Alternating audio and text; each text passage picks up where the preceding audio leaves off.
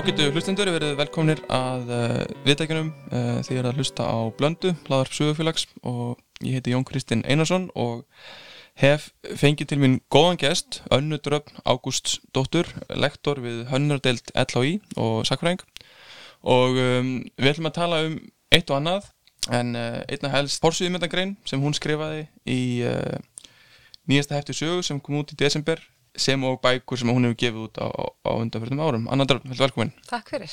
Sko, þú skrifar um, mjög forvittnilega grein e, í, í sögu í fyrra um ljósmynd sem þú komst, uh, sem þú rakst á í þínum rannsóknum. Viltu aðeins segja mér frá því hvernig það kom til? Jú, uh, ég er að gera bók um Ólaf K. Magnússon, ljósmyndara, sem var á morgunblæðinu frá 1947 til 1997 og vann þar í halva öld og, hérna, og ég hef verið lengi mjög heitluð af honum.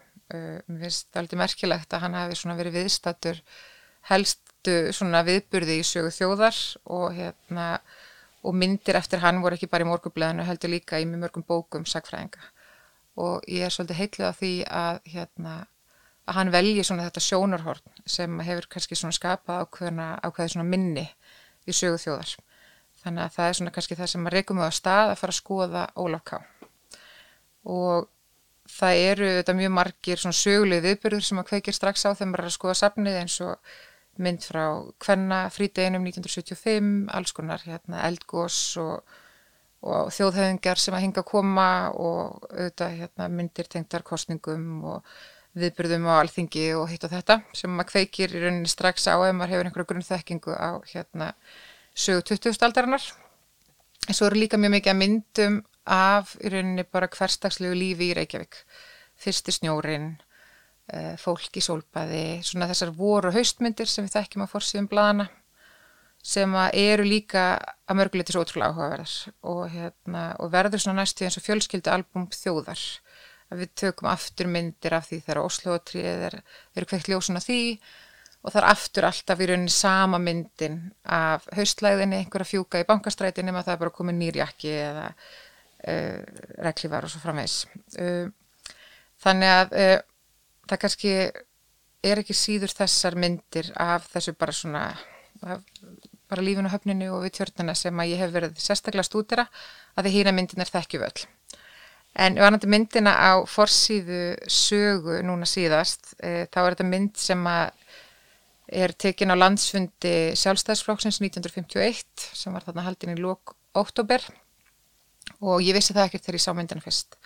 Eh, þetta er rauninni bara mynd uh, af sál, það sem er, þegar ég sá í rauninni bara filmuna, gaf mér, síndist mér að vera engangu kartmenn á myndinni, en raks og augun í að fremst á myndinni situr kona í bara hefðbundum íslenskum þjóðbúning uh, og hún heldur fyrir andlitið. Og það var kannski helst það að hún heldi fyrir andlitið sem svona fekk mig til að hugsa af hverju hún heldi fyrir andlitið. Og hver þessu kona væri og, og hvað var í gangi á myndinni og það kannski tók ekkert mjög langan tíma átt að segja á uh, að þetta væri þessi fundur.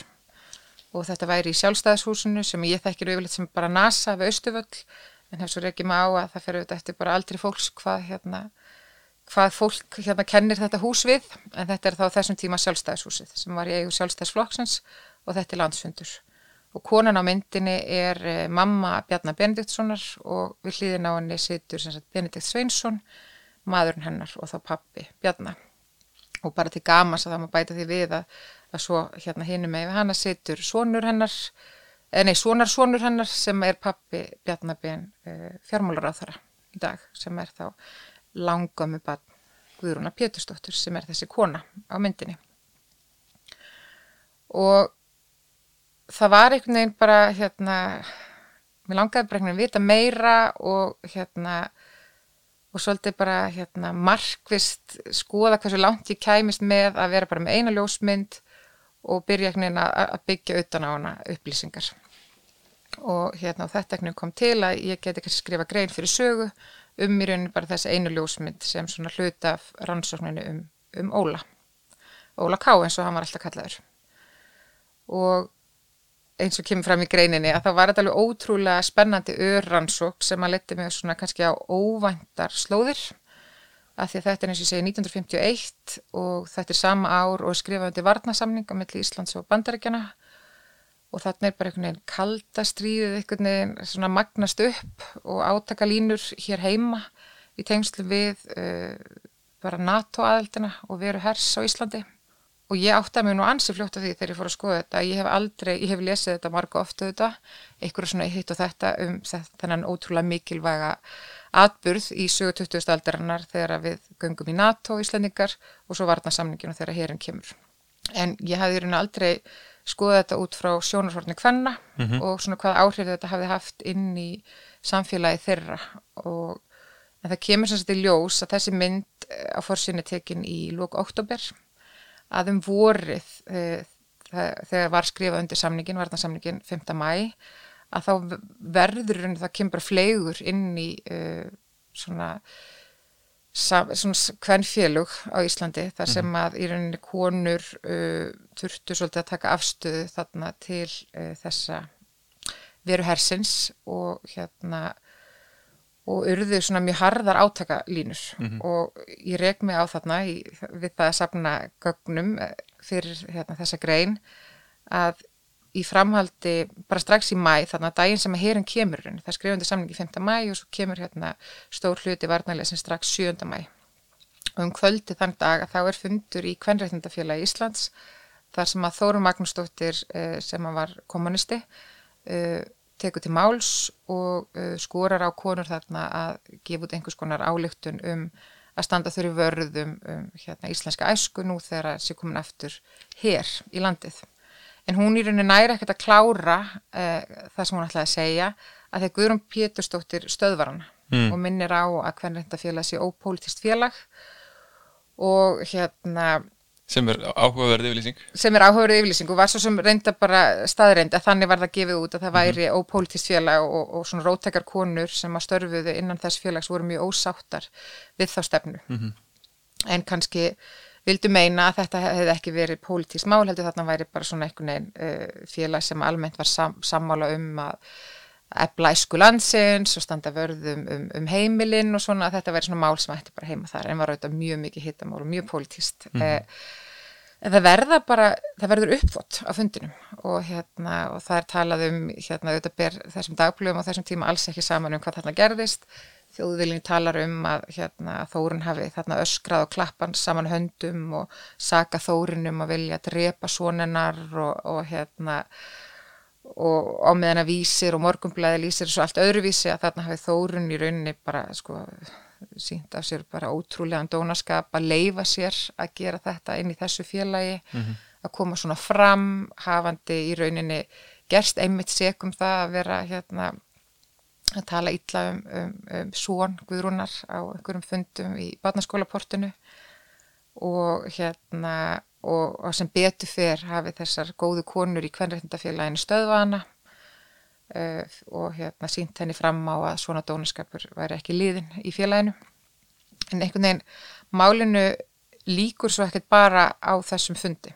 Það verður einhvern veginn svona hérna, eftirmálar í, í blöðum bara næstu daga, það er heilmikið skrifað um hana fund bæði í morgumblæðinu en sérstaklega í þjóðviljónum og heldur hún áfram allt sumarið er verið að skrifa greinar þar sem eru bara ótrú, ótrúlegt hvað er hérna hvað er verið að segja þar uh, greinar þar sem að hérna ég tala bara mjög illa um Guðrúnu og svona mm -hmm. tala um að hérna, svona, hennar andlega heilsa dregin í Eva og tala um aldurnigna, ráþuramóður og, og einn fyrirsögnin var af hverju er Guðrún hægt að garga og, hérna, og þetta heldur svona einhvern veginn áfram alveg út allt sömarið og í rauninni sko á sama tíma ég var að skrifa þess að greina þá er ég líka að lesa frábæra bók hennar uh, Rósa Magnúsdóttur um Þóru og Kristinn mm. og þá einhvern veginn átt að ég á tengi saman líka ártölin að þarna um sömarið er MFIK stopnað, menningarfélag uh, menningar og friðar samtök hvað, nú mann ekki nákvæmlega skamstöðuna það er menningar og friðar samtök íslenskri hvenna mm -hmm. og hérna Þannig ég fór svona að tengja það líka saman að hérna, þessar róttöku konur stopna þá það félag sem að þær vilja verði svona stór landsamtök sem að konur ætti að geta samanast um frið og hérna gengið í, í þessi samtök og hlýtur að vera augrun við hvernig þetta félagið og þeirra stefnum að vilja vera ópólitist. Mm -hmm.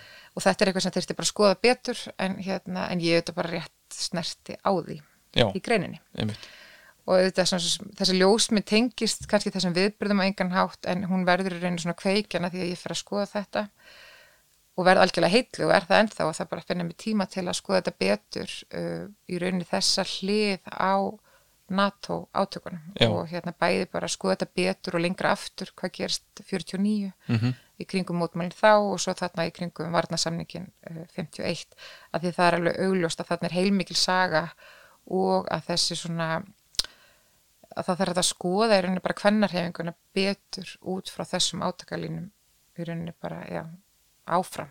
Þess að hvað gerist bara næstu áratví hvað áhrif hefur þetta? Einmitt. Eitt sem að, hérna, maður, sko, það fyrsta sem maður heldur þegar maður sér þessa myndir að hún sé svona, hérna, vil ekki láta mynda sig. Og haldi þess vegna fyrir allir það sér. En þú segir í grinni, það sé kannski frekar ólíklegt.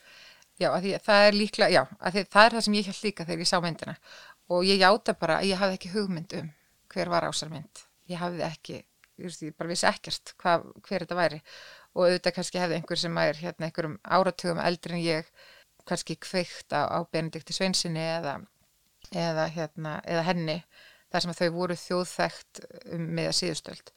En fyrir mér þá hérna hefði þetta geta bara verið hver sem er. Og það var líka dálítið skemmtilegt að þetta væri svona þjóðþægt kona Mhm. sem að hérna var hún var formaður maðuristisnefndar, hún var formaður heimilisiðnaði félagsins hún var formaður kvennfélagsambandi Íslands hún var í stjórn uh, bandalags kvenna í Reykjavík hún var í stjórn kvatar félags kvenna í sjálfstæðsfloknum og hérna auðvitað hérna inn í þessari svona áhrifamiklu og valdamiklu fjölskyldu. Mm í Reykjavík. Þannig að það var auðvitað mjög spennandi. Og þess vegna leiði ég mér svona að fullir það að hún er ekki að koma í vekk fyrir að þekkjast þar sem hún var svona skar sig úr almennt þar sem hún var að því hún var í þessum fötum, hún var alltaf klætt þessum íslenska búning, og alltaf. Alltaf, Já, já. ok. Þannig að ég síndi nú einhverjum að barnabötnunum hennar hérna þessa mynd, Birni Bjarnasanni sem er barnabötn hennar. Og hann sagði að líklega væri þetta flassið að hún væri að skila sér fyrir flassi ljósmyndarna sem er hérna ekkert ólíklegt, það er örugglega verið óþægilegt. Þannig já, ég svona fullir þið að það sé ekki þannig að hún sé ekki að skila sér fyrir því að hún vil ekki þekkjast eitthvað svoleiðis, það er hérna ólíklegt. En það er samt það sem að svona vakti aðtikli mína, að af hverju er hún þarna ein í hópi karlmanna á þessum fundi og vill ekki þekkjast. Já, En það er ekki þannig. Nei. Ég held ekki, leifum bara allt sem sýnist ekki er allt sem sýnist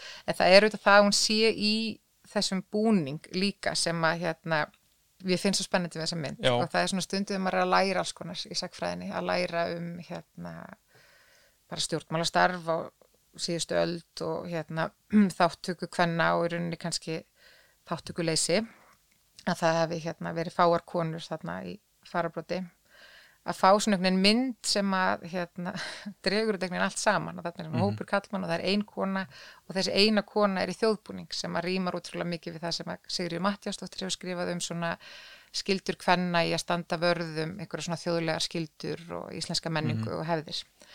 Þannig einhvern veginn náði hún á einhvern svona symbolískan hátt að, eða hún eða bara þessi ljósmynd að fanga allt þetta í hérna eina mynd. Það er kannski það sem gerir mig svona heitlað af myndinni. Þetta er eina, mín uppáhald, eina mínum uppáhaldsmyndum í safni Óla. Þótt að hún svona í rauninni hafi örgulega aldrei ratað á prent áður að því að hún í rauninni kannski þykir ekkit sérstaklega fréttnæm.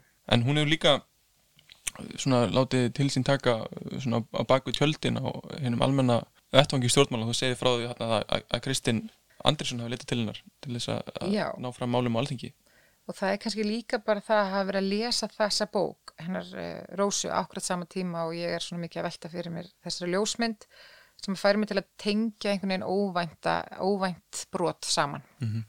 Og hann segi frá því þarna og í rauninni þetta er algjör svona, einhver svona, svona algjört auka atrið í þeirri frásög sem ég er að lesa þarna að, að, að það kemur fram að að Kristinn hafi haft samband við uh, Guðrúnu Engasistur til þess að eitthvað, fá hana til að brína sína flokksmenn Mhm. í sambandi við eitthvað jafluna frumvarp 1951 og það er þá þetta ártal og þetta nafn þessara konu sem ég þekkti í rauninni mjög takmarka áður sem að hérna, og líka þessi Kristinn sem að var þarna fórstumadur í hérna sósialistarhefingunni átengdu þjóð, útgáfu þjóðviljans og algjörlega augljós hvar hann hefur staðið í þessu öllu saman, þessu máli mm og þóra konan hans.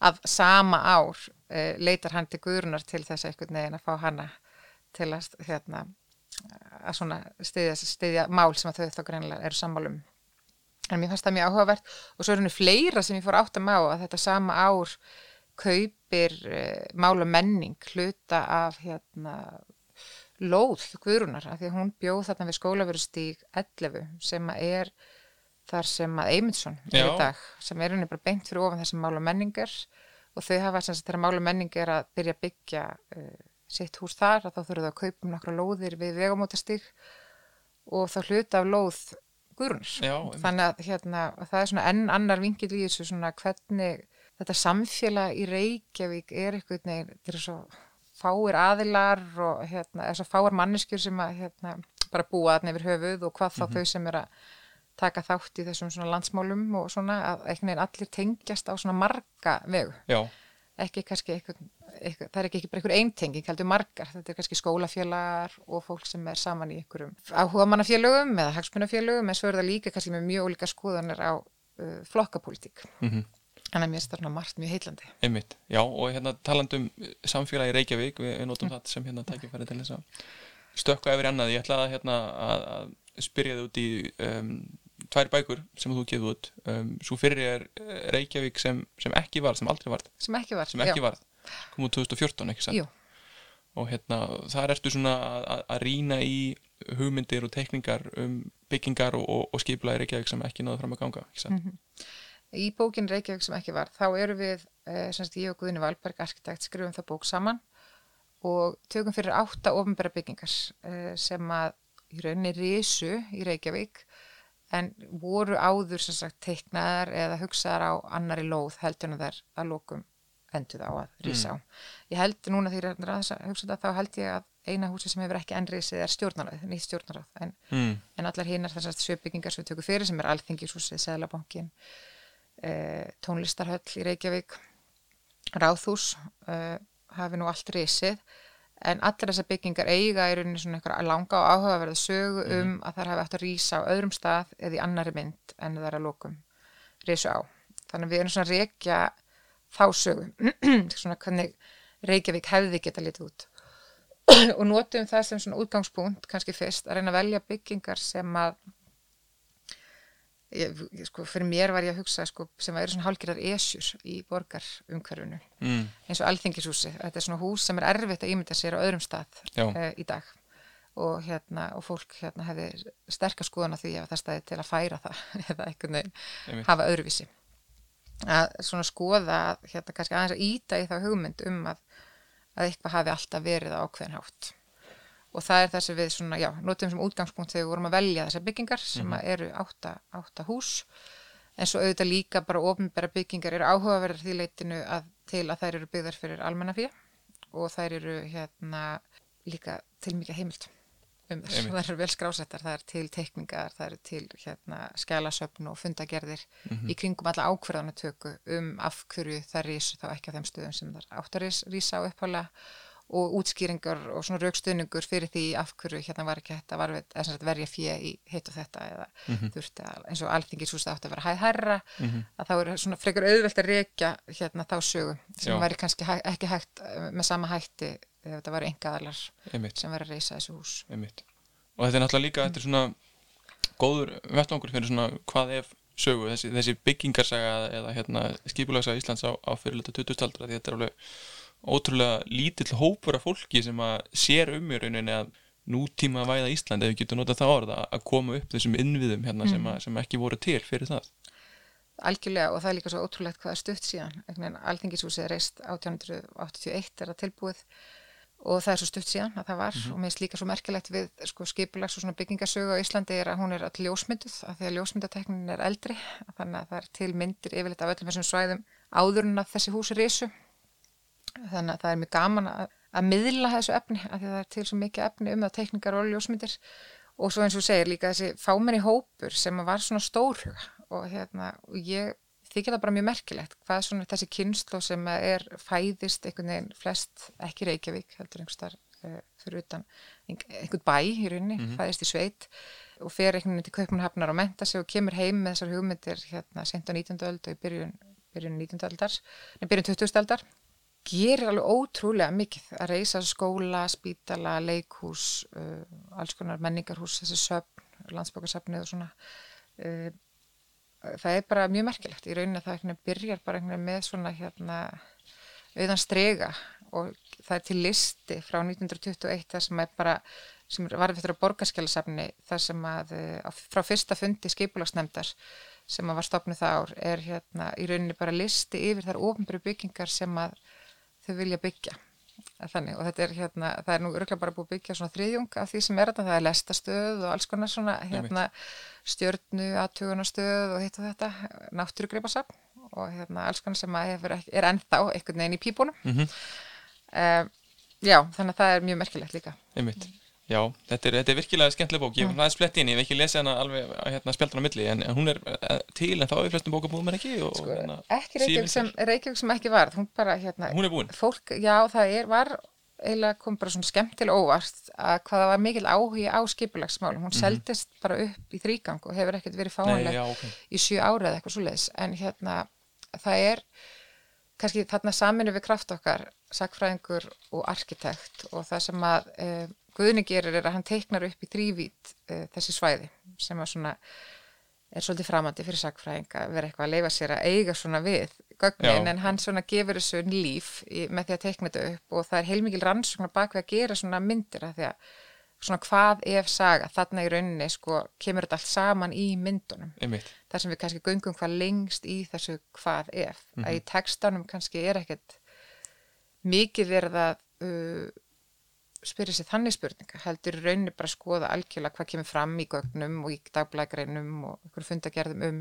að reyka einhver atbyrðar ás eins og hún var en svo er rauninni bara í þessum þrývítar tekningum þar sem að þessi hvað ef leikur, allir að kalla þetta við fyrirum að leika okkur með það allt saman og það er svolítið flókið og mjög skemmtilegt að vera mm. þar að því þar sem maður að velta fyrir sér eh, hvernig hefði borgar umhverfið þróast, hvernig stöyrar væri fyrir framann Háborg uh, Guðjón Samúlssonar upp á skólaverðuholti væri þeir eins og hérna þessir svona uh, svona einhverju svona, svona einhverju litlir stöyrar eins og eru austu við sóttum mm -hmm. það þanga það, það væri einhvern veginn svo hönnun sem væri unni með það á þessu torki uh, hvernig væri gluggasetningin á háskóla Raugvaldar á hérna Arnarhóli eða mm -hmm hvernig hefði sundullina skuðjóns verið uh, sem er þessi bustabæðistil og það er alls konar sem snýra svona gluggasetningu og málingu og borgarumhverfi og bílum og þess aftar bílastæðum.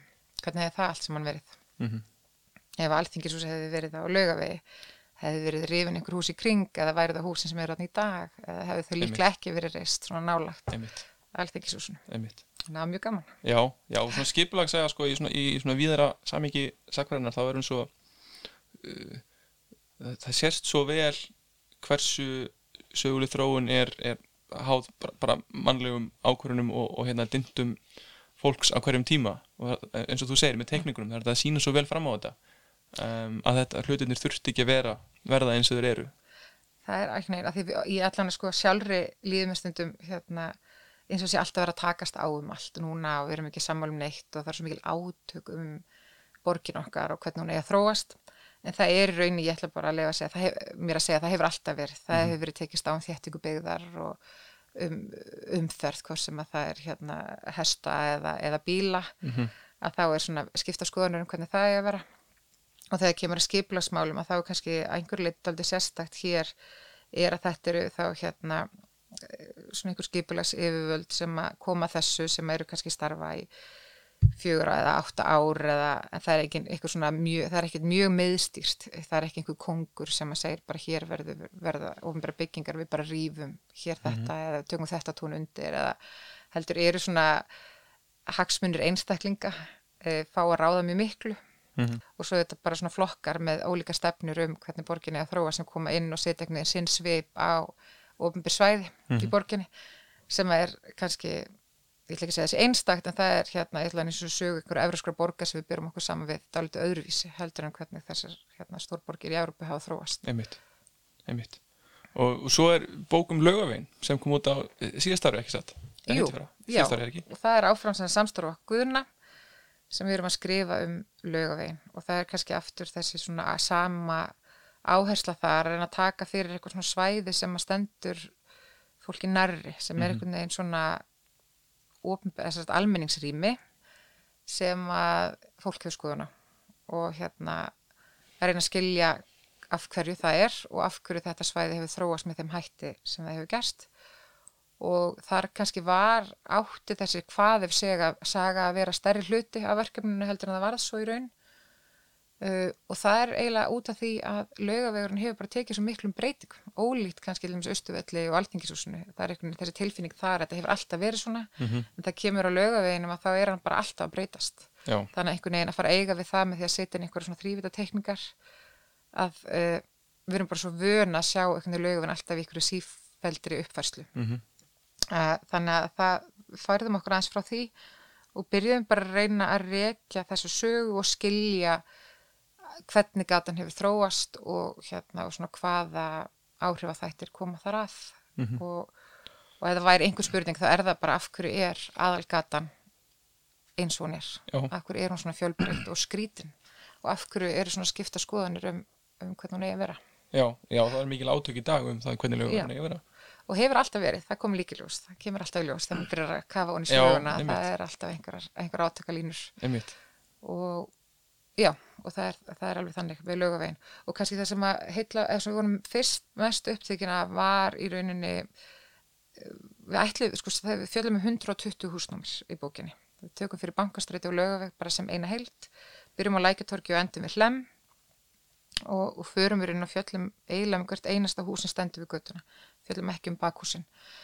Eh, en það var ekkit endilega uppála pælingin. Ætliðum í rauninni kannski að hérna leggja áherslu á hús sem er reysa þriðja áratögnum og taka þá svona eitthvað svona hvað ef vingil þar á um mm -hmm. í rauninni þann fjölda húsa sem að voru teiknuð á þriðja áratögnum þegar það er svona uppgangur í borginni og nótilega pening og hérna og átti að fara svona nútíma að veða þetta mjög hratt og hérna eins og var þetta ekkert alltaf veruleika út af í rauninni bara kreppinni bara sem verður hérna 1930 og kemur að krafti svo svona 34 uh, já Mitt. En þú ert svona, þú ert náttúrulega sakfræðingur en já. þú hefur svona áhuga á þessu sjónræna svolítið í og með Já, ég Þú ert náttúrulega starfar við allá í Já, ég hef áhuga bara á borginni og hérna öllu sem að við kemur svona þróun borgarinnar mm -hmm. og mhm. þar auðvitað eru skiplusmál og byggingalist svona mjög áþreifanlegur hluti ég skrifa mastersreikirina mína um, um vass og fráveitu þannig að það er svona líka bara þessir innviðir borga mm -hmm. uh, og svona já nútíma væðing uh, er svona kannski mitt áhuga svið innan sakfræðinar og, og svo auðvitað bara að kynna skuðuna og fara í svona þverfaglegt samstarf búið að vera bara ótrúlega lærtumsrikt mm -hmm. og ég mælu svo mikið með því uh, við alla að fara í svona þver, meira þverfaglegt samtal af því að það er einhvern veginn fyrir mig að að vinna með Guðurna hefur opnað einhvern veginn nýjan heim, heimilda. Bæðið þú veist að fara að skoða allar þessar teikningar og læra að lesa svona þessi göggskipulags uppdrætti og hérna já og skissur og teikningar arkitekta. Búið að vera mjög gaglegt og líka í raunin að sjá bara hvernig hann nálgast þessar heimildir, hvernig hann í raunin byrjar að leggja teikningar ofan á hver aðra og, og horfa svona sjónrænt á gögn þar sem ég hef kannski hef í rauninni fyrst og fremst og eiginlega engungu þjálfuna því að, að rýna í texta. En ef maður fara að skoða í rauninni myndmál líka ef ég fer út frá bara svona arkitektúrteknikum að þá að því ég er að vinna eins og segir í listaháskólanum að þá hef ég líka lært svo mikið af bara samstarfsfélögum mínu þar úr grafískru hönnun. Uh, frábært að fá að kynast honum gotti sem er að vinna uh, rannsókn og svona íslensku myndmáli.